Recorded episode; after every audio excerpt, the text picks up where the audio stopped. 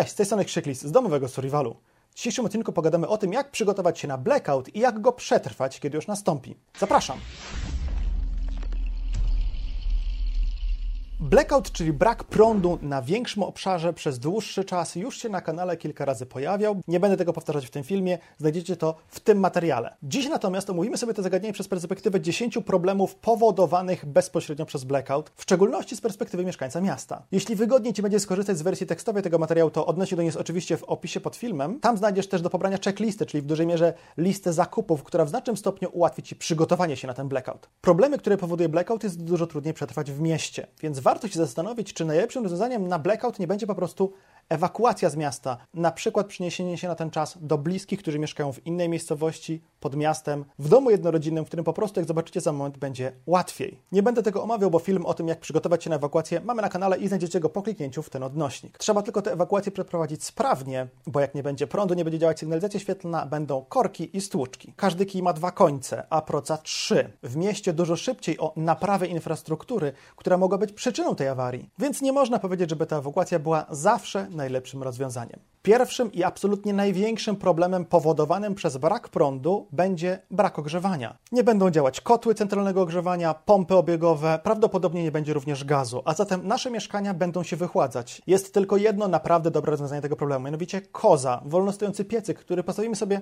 na środku takiego pokoju jak ten i wyprowadzimy komin przez ścianę, przez okno, wybijając szybę i zaślepiając je dyktą czy kawałkiem blachy. To rozwiązanie oczywiście wiąże się z szeregiem problemów. Po pierwsze, tę kozę trzeba byłoby kupić. Jak nie będzie prądu, może być problem z jej kupieniem. Po drugie, skąd wziąć dla niej opał? Chcesz w razie braku prądu chodzić do parku, zbierać gałęzie, żeby później móc ogrzeć mieszkanie? Można, ale po co? No i osobnym problemem, wcale nietrywialnym, jest właśnie wyprowadzenie tego komina ze spalinami na zewnątrz. Nie wolno ogrzewać pomieszczeń zamkniętych, paląc w środku paliwa stałe bo wytwarza się tlenek węgla. Lepiej zmarznąć czy dorobić się zapalenia płuc niż umrzeć z powodu zatrucia czadem. Jeśli zatem nie ta koza, to musimy się po prostu cieplej ubrać, przykrywać się dwiema kołdrami zamiast jednej podczas spania. Wyodrębnijmy w domu jedno pomieszczenie, w którym będziemy siedzieć, będzie w nim cieplej, jak tam będą siedzieć wszyscy, będzie je też łatwiej ogrzeć jakimś zaimprowizowanym źródłem ciepła. Całkiem dobrym rozwiązaniem jest biokominek, czyli takie dekoracyjne palenisko opalane etanolem. Kiedy alkohol się pali, ryzyko wytwarzania tlenku węgla jest minimalne. Powstaje w zasadzie tylko dwutlenek węgla i para wodna jeśli zapewnimy odpowiednią wentylację, czyli odpowiedni nawiew świeżego powietrza, raczej nie mamy się czym obawiać. Można próbować ogrzeć pokój piecykiem zrobionym ze świeczek i ceramicznych doniczek. Nie próbowałem, nie wiem ile to jest warte. Ten eksperyment jest na liście rzeczy do zrobienia, będę chciał to zweryfikować w tym roku. Są piecyki naftowe, a można nawet próbować ogrzewać się benzynową kuchenką turystyczną. Norweska armia tak ogrzewa namioty i zrobili badania, że ilości tlenku węgla przy tym wytwarzane są naprawdę minimalne. Drugi, bardzo istotny problem to woda, czy raczej brak tej wody, bo jak nie będzie prądu, nie będą działać również pompy. Z wodą jest problem też z tego względu, że w mieszkaniu nie sposób jest zrobić duży zapas wody. No bo gdzie? Jak? Kilkadziesiąt litrów można gdzieś trzymać, ale to jest ilość, którą jedna osoba zużywa średnio codziennie. Więc naturalnie starajcie się zrobić tak duży zapas tej wody, jak tylko jest to możliwe, najróżniejszymi sposobami, gdzie się tylko da. Po prostu trzymajcie tę wodę w domu. Ale też od razu, kiedy tylko zabraknie prądu, napełnijcie całą wannę i wszystkie wiadra w domu wodą. Być może ciśnienie w sieci wodociągowej pozwoli Wam przynajmniej pół wanny napełnić, a to zawsze jest duża ilość wody uzdatnionej do picia. A zatem musicie mieć również jakąś możliwość, żeby tę wodę pozyskać, na przykład ze zbierania deszczówki, albo po prostu przynieść ją do domu w wiadrach, pojemnikach. Może zostanie podstawiony beczkowóz, a może trzeba będzie pójść nad rzekę i tę wodę nabrać i przynieść. Pomoże w tym bagażowy wózek, pomoże też rower. Woda jest ciężka, noszenie jej dużych ilości będzie zawsze olbrzymim wysiłkiem. Tej wody dla rodziny będzie potrzeba codziennie przynajmniej kilkanaście litrów i to licząc bardzo oszczędnie. Przyniesiono do domu wodę trzeba oczywiście móc uzdatnić do picia, ale nie tylko do picia. Nie będziemy się myć, nie będziemy prać pieluch dziecka w wodzie, która jest czymś skażona, więc tę wodę również trzeba uzdatnić. Absolutnym minimum powinno być zagotowanie, które pozwoli na zneutralizowanie zanieczyszczeń biologicznych, ale chemicznych i mechanicznych nie usunie. Przyda się więc jakiś porządny filtr, który te zanieczyszczenia usunie. Można używać tabletek do dezynfekcji wody, to też jest jakieś rozwiązanie. Wiecie, wszystko będzie zależało od tego, skąd i jak zanieczyszczoną wodę przyniesiecie do domu. Jeśli ten film jest dla Ciebie użyteczny, daj łapkę w górę, żeby YouTube bardziej go promował i rozważ wspieranie nas na Patronajcie. Po trzecie, z całą pewnością będzie problem z żywnością i z dostępem do niej, bo przestaną działać lodówki i przestaną działać sklepy. W zimnym półroczu w Polsce brak lodówki nie jest problemem, po prostu wyniesiemy ją na zewnątrz i tam będziemy trzymać. Ale latem to też jest mniejszy problem niż Wam się może wydawać. Lodówka sama w sobie powinna utrzymać ciepło, to znaczy chłód, przez przynajmniej jeden dzień. Sama żywność w temperaturze pokojowej, nawet mięso, też nie od razu zacznie się psuć. Poza tym, sukcesywnie przenosząc pojedyncze rzeczy z zamrażarki na półki lodówki i pozwalając im się tam rozmrozić, będziemy w stanie dostarczyć w ten sposób pewną ilość chłodu. I to powinno załatwić problem na kilka dni, a pod koniec tego okresu po prostu tę żywność zjedz albo przetwórz w jakiś sposób, na przykład pakując do słoików i wekując gotowe dania. Zakupów w sklepie też możesz nie być w stanie zrobić. Kasy fiskalne muszą mieć zasilanie awaryjne, ale jak długo będą działać, jak długo sklepy będą pracować po zaniku zasilania, trudno zgadywać. Więc na pewno trzeba do sklepu pójść, wykupić co się da. Żywność, mleko, papier toaletowy, wszystko czego czujesz, że może ci braknąć, ale niestety tylko za gotówkę, bo autoryzacja kart płatniczych prawdopodobnie nie będzie możliwa. Musisz zatem mieć zapas gotówki w mieszkaniu. Idź do sklepu niezwłocznie, gdy wyłączą prąd, zaraz po napełnieniu wanny. Na takie sytuacje oczywiście trzeba mieć w domu zapas żywności. Najlepiej, żeby nie wymagała lodówki i nie wymagała gotowania. Co najwyżej zalania wrzątkiem. Oprócz żywności trzeba mieć zapas również wszystkich innych rzeczy, które zużywamy w domu, jak wspomnianego papieru toaletowego, ale także mydła i wszystkich specjalistycznych produktów typu pieluchy dla dzieci. Ktoś ma dzieci, to jest oczywiste. Czwarty problem do rozwiązania to gotowanie, czy szerzej przygotowywanie i spożywanie posiłków. Wspomniałem już, że nie będzie gazu, więc jeśli nie masz kuchenki na duże wymienne butle, to nie będziesz mieć na czym ugotować obiadu. Jeśli gotujesz na gazie z butli, trzymaj w domu drugą butlę pełną na zapas. Jeśli nie, to pozostaje Ci tylko jakaś awaryjna kuchenka, na przykład kuchenka turystyczna. Świetne są kuchenki gazowe na kartusze. Wyjątkowo użyteczne są wielopaliwowe kuchenki na kartusze, benzynę i naftę, na przykład Optimus Polaris Multifuel, z której sam korzystam, bo zapas benzyny czy nafty można zrobić łatwiej i taniej niż zapas gazu w kartuszach. Można zrobić kuchenkę spirytusową z dwóch puszek, tylko trzeba mieć wcześniej zapas spirytusu. Duże ilości wody można bardzo łatwo i szybko gotować w czajniku typu wulkan, a w ostateczności ognisko albo składana kuchenka na drewno też pozwolą Ci na przygotowanie posiłków, ale nie będziesz tego ogniska palić na balkonie. Składaną kuchenkę na drewno na balkonie rozłożysz i pod tym kątem może być fajnie ją mieć. Nawet grill się nada, jak nie będziesz mieć nic innego do dyspozycji. Pamiętajcie o tym, że przy braku wody nie będzie w czym umyć naczynia, więc dobrze jest mieć zapas jednorazowych talerzyków, kubków, sztućców itd. Piąty moim zdaniem bardzo ważny punkt to łączność. Łączność i zdobywanie informacji. Po pierwsze, łączność z bliskimi. Chcemy wiedzieć, co dzieje się u naszych bliskich, nawet, a może zwłaszcza w czasie takiego dużego kryzysu. Zachęcam do obejrzenia materiału o standardzie łączności dla polskich preperów, który ma właśnie na ten problem odpowiadać. Łączność to także zbieranie informacji o tym, co dzieje się dookoła.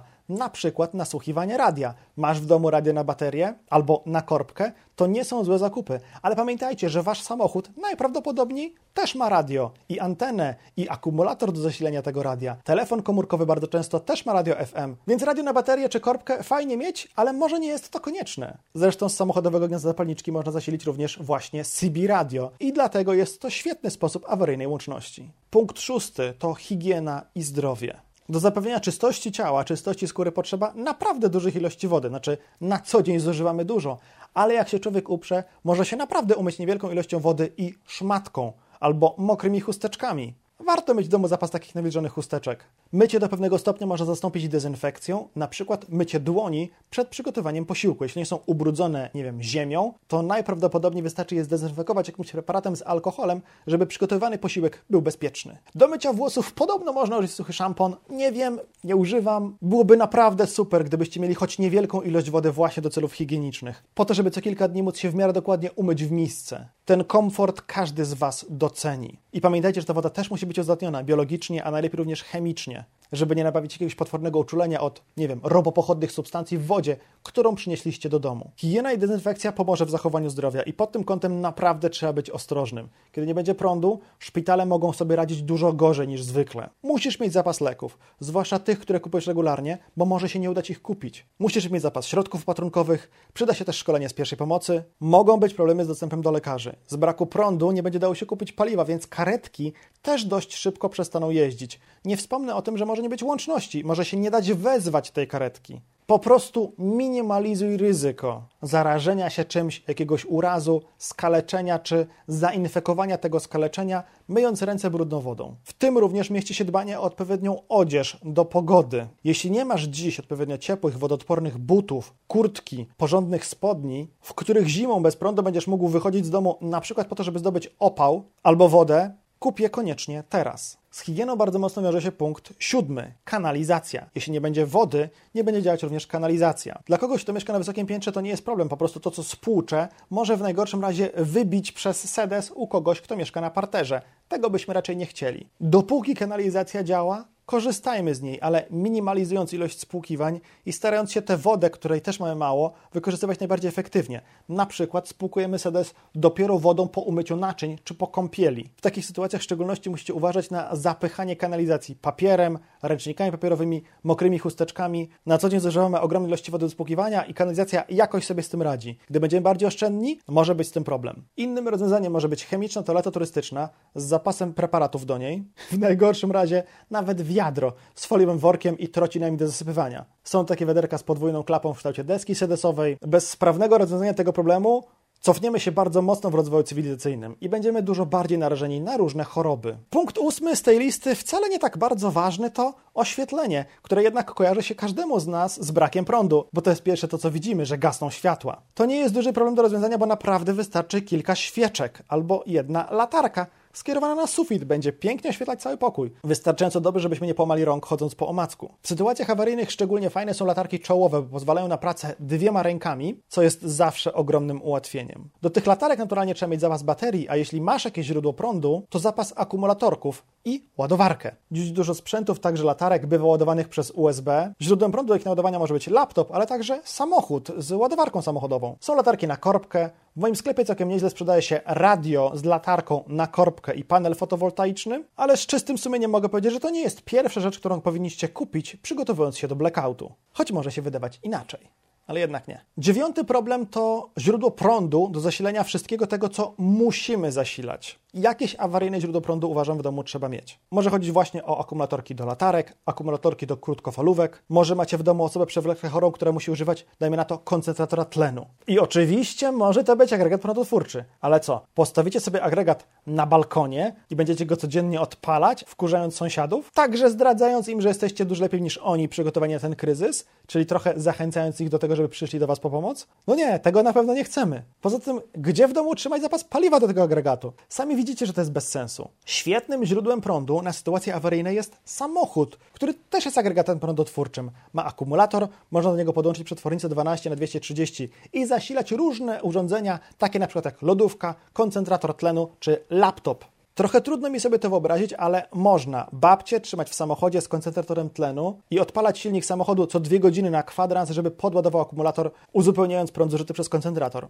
Można. Pamiętajcie tylko o tym, żeby mieć zawsze zatankowany samochód i zapas paliwa do niego. Na miejskie warunki uważam, że świetnym rozwiązaniem są przeróżne stacje zasilania. Testowałem taką stację EcoFlow, w tej chwili kończę testy takiej stacji Bluetti Power Oak. To są fajne rozwiązania, bo magazynują prąd nawet na kilka dni oszczędnego użycia, a można je zasilić samochodem, w sensie samochodowego gniazda zapalniczki, albo z paneli fotowoltaicznych i mają gniazdka USB, gniazdka 12V, mają przetwornicę, mogą zatem zasilać różne urządzenia prądem przemiennym. Ich jedyną wadą jest to, że są po prostu strasznie drogie. Na korzyść tych stacji natomiast przemawia to, że można do nich dokupić zestaw paneli fotowoltaicznych, które później rozłożymy na balkonie, albo nawet w ostateczności wystawimy przez okno i zwiesimy tak, żeby wisiały sobie na ścianie. Jakąś ilość prądu będą one w stanie dostarczyć. Są też na rynku rozwiązania takie jak rowery stacjonarne wytwarzające prąd.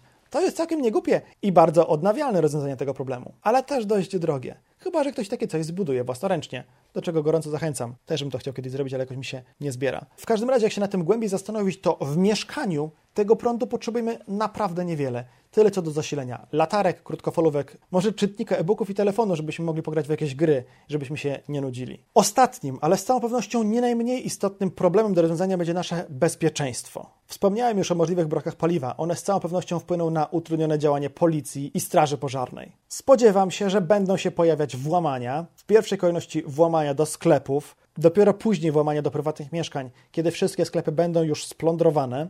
Nie od razu też pewnie, ale w końcu zaczną się także napady, jeśli nie będzie działać oświetlenie uliczne i kamery miejskiego monitoringu, a policja nie będzie przyjeżdżać? Hulaj dusza, piekła nie ma. I o to bezpieczeństwo warto jest zabrać, na przykład organizując i nosząc ze sobą sprzęt do skutecznej obrony przed takim napastnikiem. Ale to może nie wystarczyć. Taki kryzys będzie dużo łatwiej przetrwać ze wsparciem ludzi dookoła nas, czyli po prostu sąsiadów. I jeśli nie masz z nimi teraz dobrego kontaktu, to taki kryzys będzie ostatnim momentem, kiedy o ten kontakt możesz zadbać. I patrzcie, jest bardzo dobry pretekst. Nie ma u mnie prądu, idę do sąsiadki, pytam, czy u was też nie ma prądu? Potem idę do kolejnej. Można zapytać, czy wszystko mają. Można podpowiedzieć, żeby nie spłukiwali wody w kiblu, bo w spłuczce mają jej zapas, a to jest woda zdatna do picia. Takim pomysłem przekonacie ich do siebie. Nie musicie wcale od razu mówić, że wy macie zapas żywności, wody, paliwa i krótkofalówkę. Docelowo dużo łatwiej i lepiej będzie Wam działać w grupie. Dużo bezpieczniej będzie chodzić razem po opał, po wodę, żeby znaleźć i zdobyć żywność.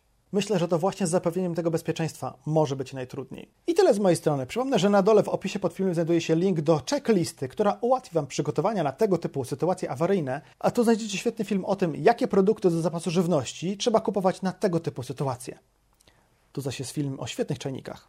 Do zobaczenia w następnym filmie. Trzymajcie się, cześć!